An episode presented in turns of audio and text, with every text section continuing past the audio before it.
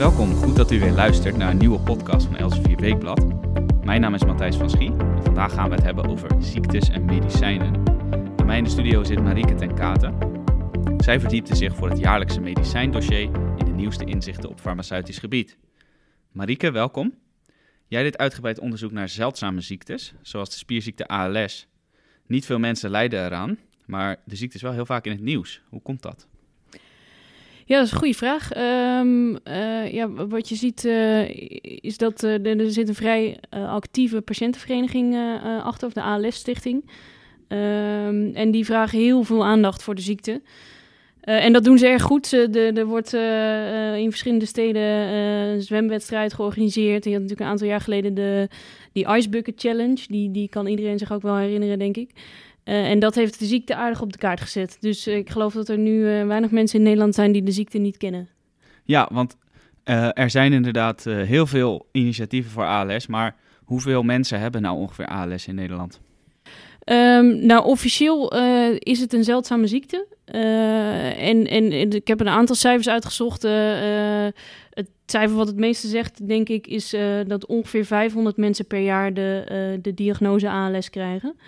Um, en ja, ik, kan, ik kan niet precies zeggen hoeveel ALS-patiënten we op dit moment in Nederland hebben. Maar wat je ziet, het is een enorm progressieve ziekte.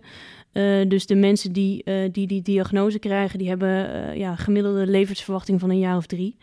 Um, dus ja, de, de patiënten die er zijn, die, die leven ook niet heel lang. Ja, er is één patiënt die met name veel in het nieuws is. Jij noemt hem ook even in je stuk. Wie is dat? Ja, Fernando Rixen, de, de oud-profvoetballer.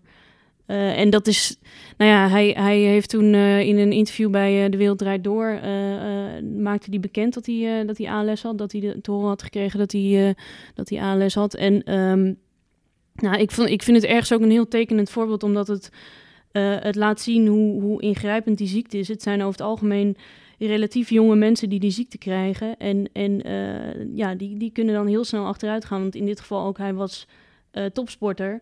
Um, en ja, de, het laatste filmpje wat ik van hem gezien heb, dan, uh, uh, ja, dan heeft hij ontzettend veel moeite om, om zelf nog uh, te kunnen eten en zelfstandig te ademen. Dus dan zie je hoe snel zo iemand achteruit kan gaan. Ja, um, je, je gaat snel achteruit en de, de kans op genezing die is eigenlijk niet heel.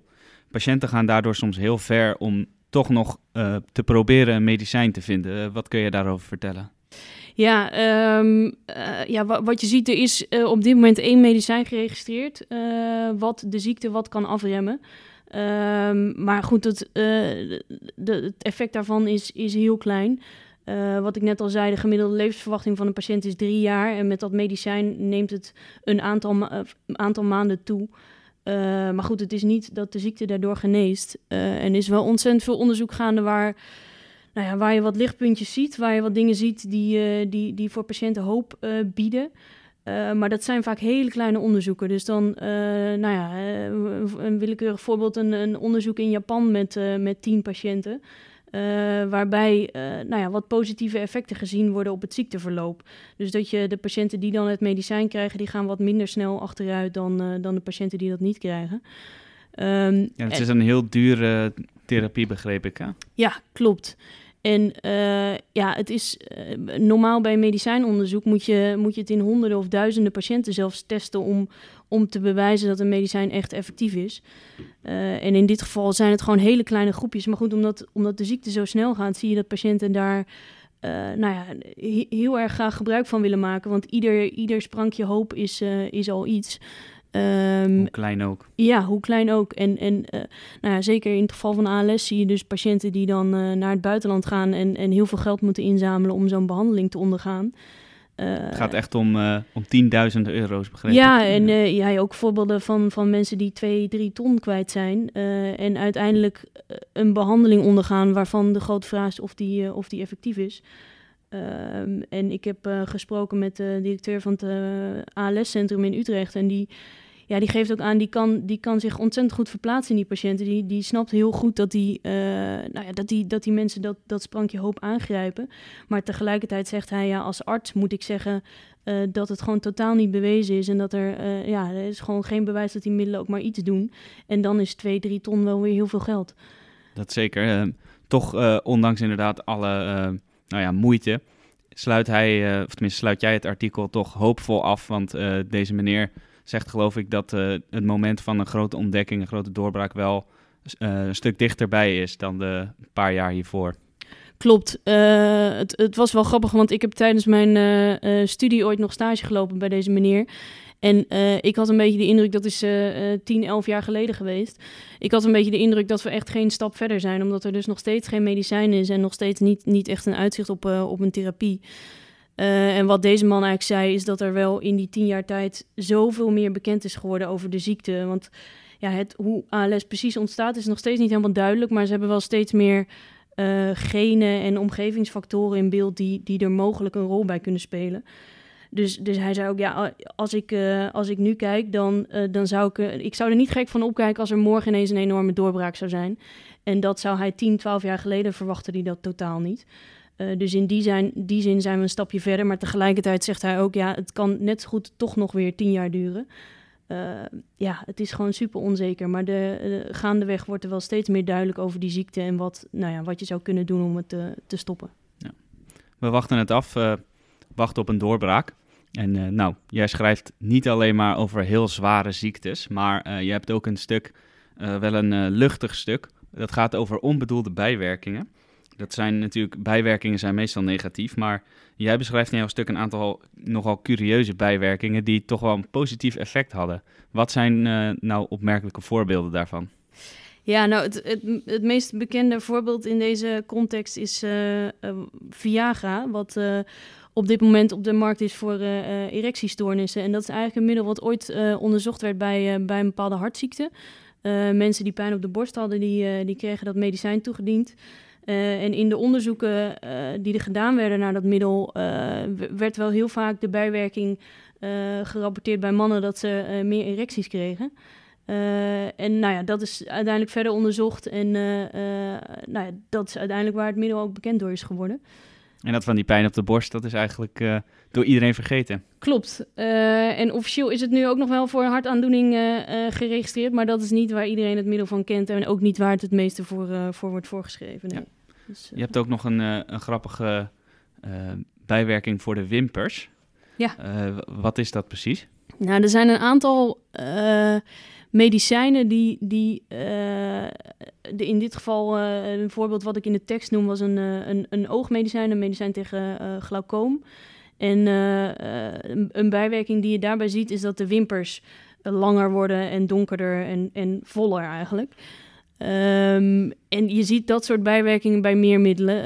een ander voorbeeld wat ik noem is een, een epilepsiemedicijn wat ineens voor krullen in het haar zorgde ja, dat zijn bijwerkingen. Uh, niet iedereen zal er blij van worden, maar er zijn, er zijn wel mensen die, uh, uh, nou ja, die dat niet zo erg vinden om, om dat soort dingen te merken. Ja, misschien minder shampoo of mascara te kopen. ja. ja. precies. Maar goed, het, tegelijkertijd betekent het dus ook, het zijn middelen die daar niet voor op de markt zijn gekomen. dus nou ja, het voorbeeld van een, een epilepsiemedicijn wat voor krullen in het haar zorgt. ja, zo'n medicijn heeft nog veel meer andere bijwerkingen die, uh, nou ja, die best wel gevaarlijk kunnen zijn. Dus om nou te zeggen dat je uh, dat pilletje kan gebruiken om, uh, om krullen in je haar te krijgen, dat lijkt me niet zo goed idee. Lijkt mij even een goede disclaimer, probeer het niet thuis. Precies, ja. nou, opmerkelijk. Dan gaan we over naar Rob Raamaker, die is inmiddels ook aangeschoven. Rob, welkom. Jij hebt het ook over bijwerkingen. Klopt. Ja, uh, dat gaat met name over DNA. Dat speelt namelijk een cruciale rol bij de effectiviteit van bepaalde medicijnen en de bijwerkingen. Uh, kun je daar wat meer over vertellen? Um, ja, wat ik eigenlijk bedoel is dat niet iedere persoon het uh, op dezelfde wijze reageert op hetzelfde medicijn. Op zich is dat gegeven al iets wat heel lang bekend is. Dat artsen ook in de, de oudheid zagen dat de ene persoon van de medicijn opknapt en de, en de ander niet. Um, en de, de eerste keer dat dat echt heel specifiek uh, gekoppeld uh, was aan een gen, dat was na de Tweede Wereldoorlog. Dat is een periode, ook voor de Tweede Wereldoorlog, dat er heel veel gewerkt werd aan um, malaria-medicijnen. In de natuur was kinine ontdekt en ze maakten varianten gebaseerd daarop, maar die wat potenter waren. En uh, die waren ook bijvoorbeeld heel belangrijk in de, uh, de, de, de, de, Japanse campagne van het uh, Amerikaanse leger om door gebieden met malaria te trekken. En nou goed, na de Tweede Wereldoorlog gingen ze een nieuwe variant onderzoeken.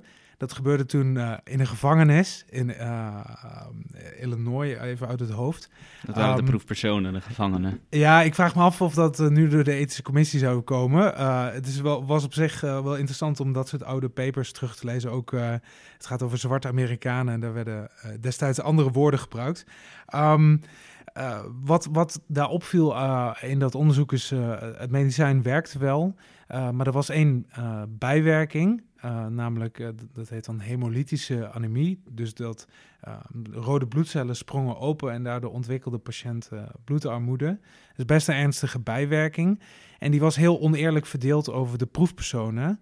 Um, al dan niet vrijwillige proefpersonen. Um, de, de witte Amerikanen die meededen, die, die leden daar nauwelijks aan. En bij de zwarte Amerikanen die meededen kwam het veel vaker voor. En dat was dus genetisch? Ja, um, de... Er is een, enzym, wat, of een eiwit, wat in een variant voorkwam die veel minder of niet werkzaam was. En die variant komt gewoon veel vaker voor bij zwarte Amerikanen dan bij, dan bij blanken. Grappig genoeg heeft dat ook weer te maken met malaria.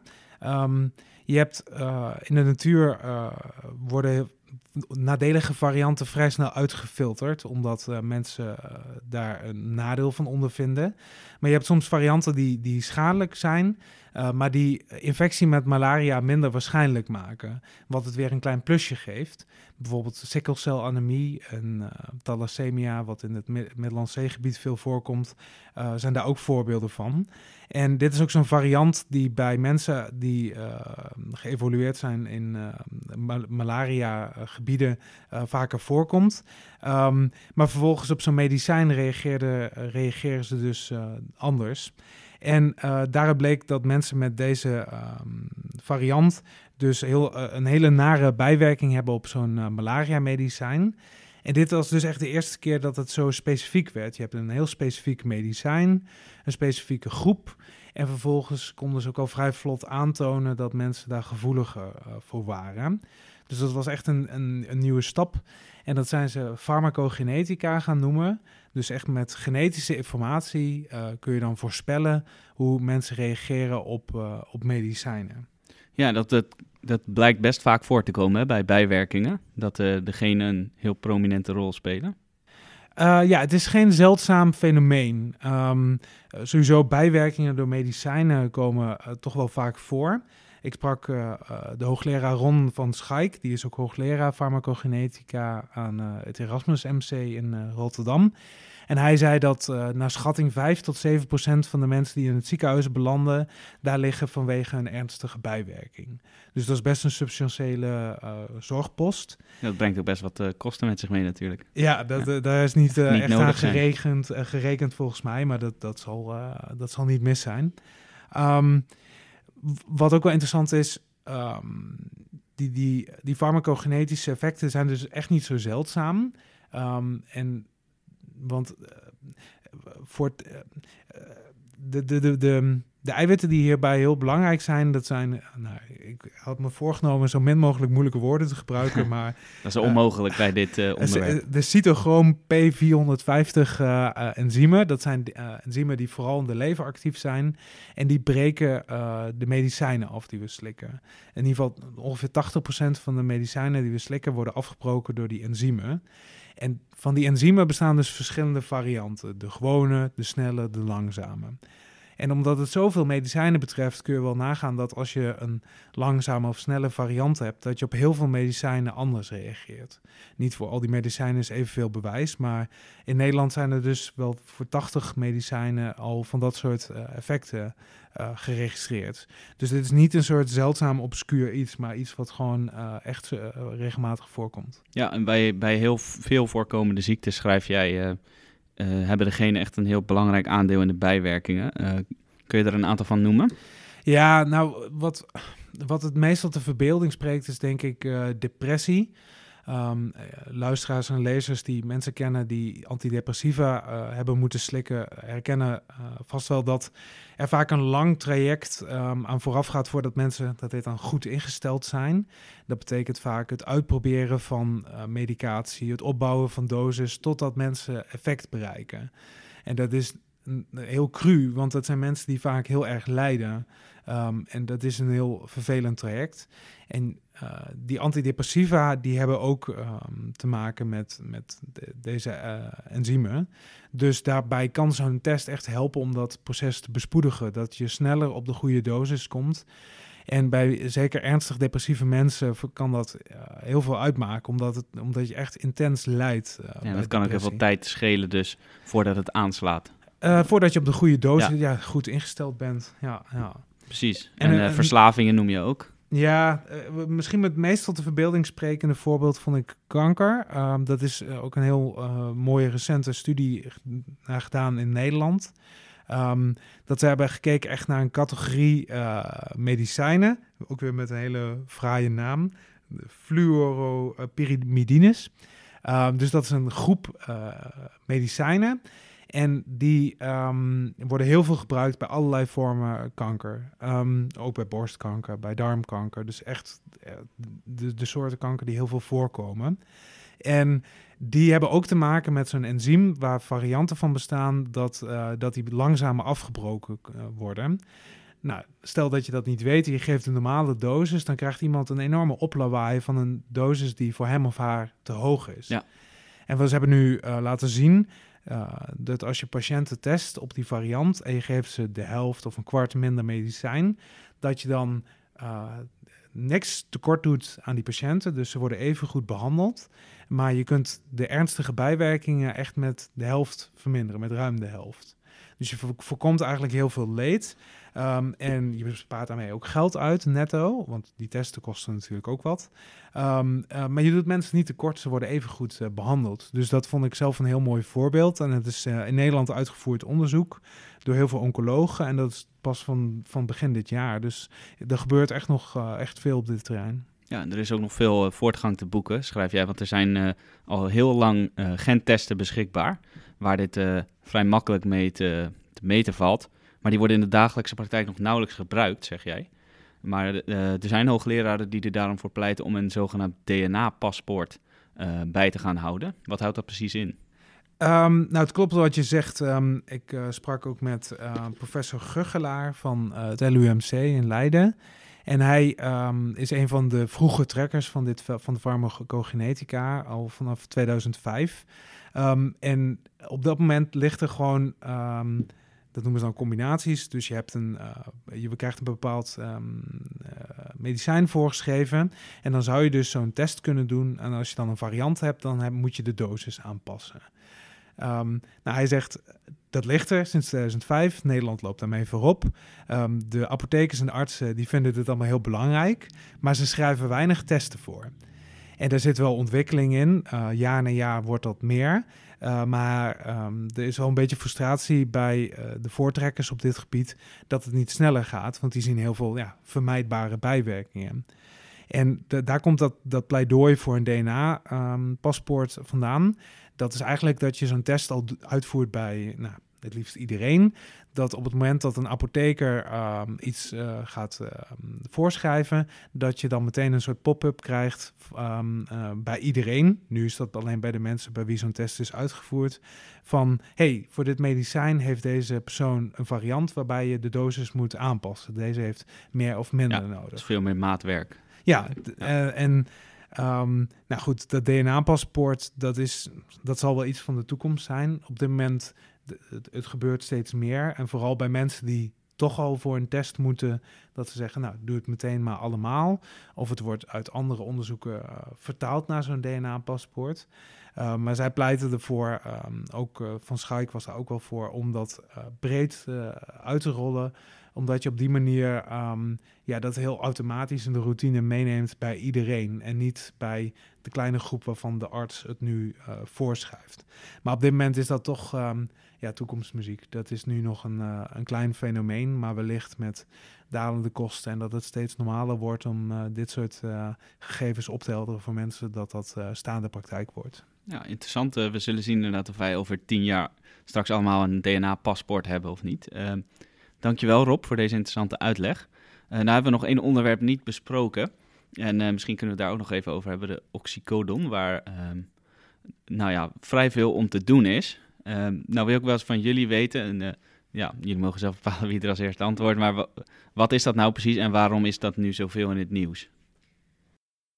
Um, ja, wat je, wat je ziet is dat er eigenlijk de afgelopen decennia veel meer aandacht is gekomen voor pijnbestrijding. Dus uh, waar het voorheen heel gewoon was dat je af en toe na een operatie uh, gewoon even een tijdje pijn had, uh, zie je dat er nu veel meer middelen beschikbaar komen en ook veel meer vraag naar die middelen is om, nou ja, om de pijn te stillen.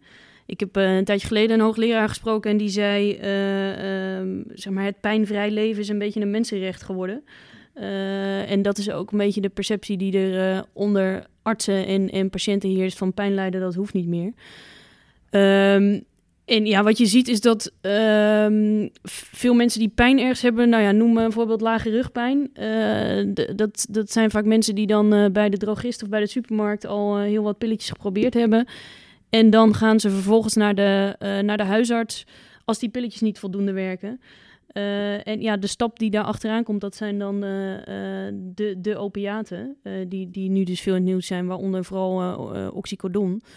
Um, ja, en, en er zit gewoon een enorme stijging in het aantal voorschriften van met name oxycodon. Want het grote voordeel van, van dat medicijn is dat het in relatief makkelijke pilvorm beschikbaar is. Dus je kan gewoon nou ja, een pilletje innemen. Niet, je hoeft geen spuit of wat dan ook.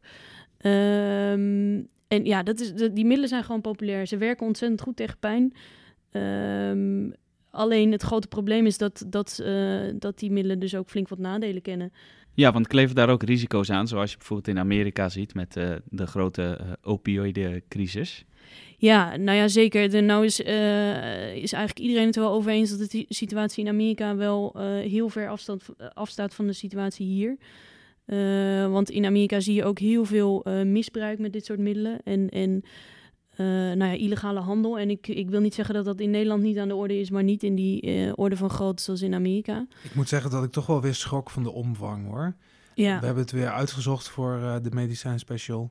En um, op het hoogtepunt in 2016 gingen er gewoon per jaar 42.000 Amerikanen dood aan overdoses aan dit soort middelen.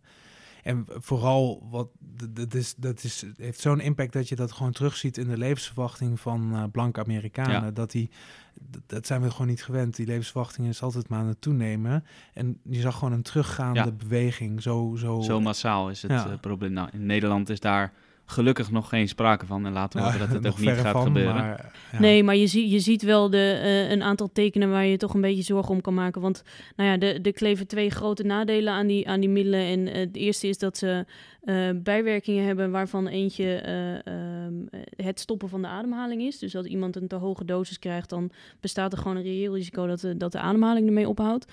en het tweede is verslaving. Dat, dat middelen gewoon ontzettend verslavend werken. Uh, en nou ja, uh, je, je ziet in de, in de getallen gewoon terug, er, er overlijden meer mensen door, door uh, van, van opiaten. en je ziet ook in de verslavingsklinieken het aantal nou ja, mensen die verslaafd zijn aan deze middelen toenemen. en het goede nieuws is op zich wel dat je, nou ja, er is zoveel over in het nieuws geweest, ook de afgelopen tijd, dat je dus het aantal voorschriften inmiddels wel ziet dalen. Er uh, zijn uh, genoeg uh, voorbeelden. Eén huisarts bijvoorbeeld, die, die zelf ook schrok van de hoeveelheid opiaatrecepten die, die hij zelf ondertekende, notabene. Ehm, dus het besef is er wel steeds meer dat die, dat die middelen niet... nou ja, het is geen paracetamol, zeg maar. Ehm, maar ja, het, het aantal overdoses blijft nog wel toenemen. Dus dat, dat zijn toch... nou ja, getallen waar je wel een beetje druk op mag maken. Niet dat we de kant van Amerika opgaan, maar uh, nou ja, er, is wel iets nodig om, uh, om te voorkomen dat het uit de, hand loopt. Dank voor de interessante en nuttige uitleg, Rob en Marieke. Uiteraard kunt u in het weekblad en op onze site het volledige medicijndossier lezen. Daarin kunt u ook lezen over een nieuwe vorm van kankermedicijnen, precisiemedicijnen genoemd, de rol van eetpatronen bij ziekte en het HPV-vaccin tegen baarmoederhalskanker. U luisterde naar een nieuwe podcast van Elsevier Weekblad. Mijn naam is Matthijs van Schie en ik dank u hartelijk voor het luisteren. Al onze podcasts kunt u vinden op elsevierweekblad.nl slash podcast. Daar kunt u zich ook abonneren, zodat u geen enkele nieuwe podcast hoeft te missen. Ook niet van onze nieuwe serie Non Solus, waarin hoofdredacteur Arendo Joustra wekelijks zijn visie geeft op het nieuws dat hem opvalt. Mijn naam is Matthijs van Schie en ik dank u hartelijk voor het luisteren.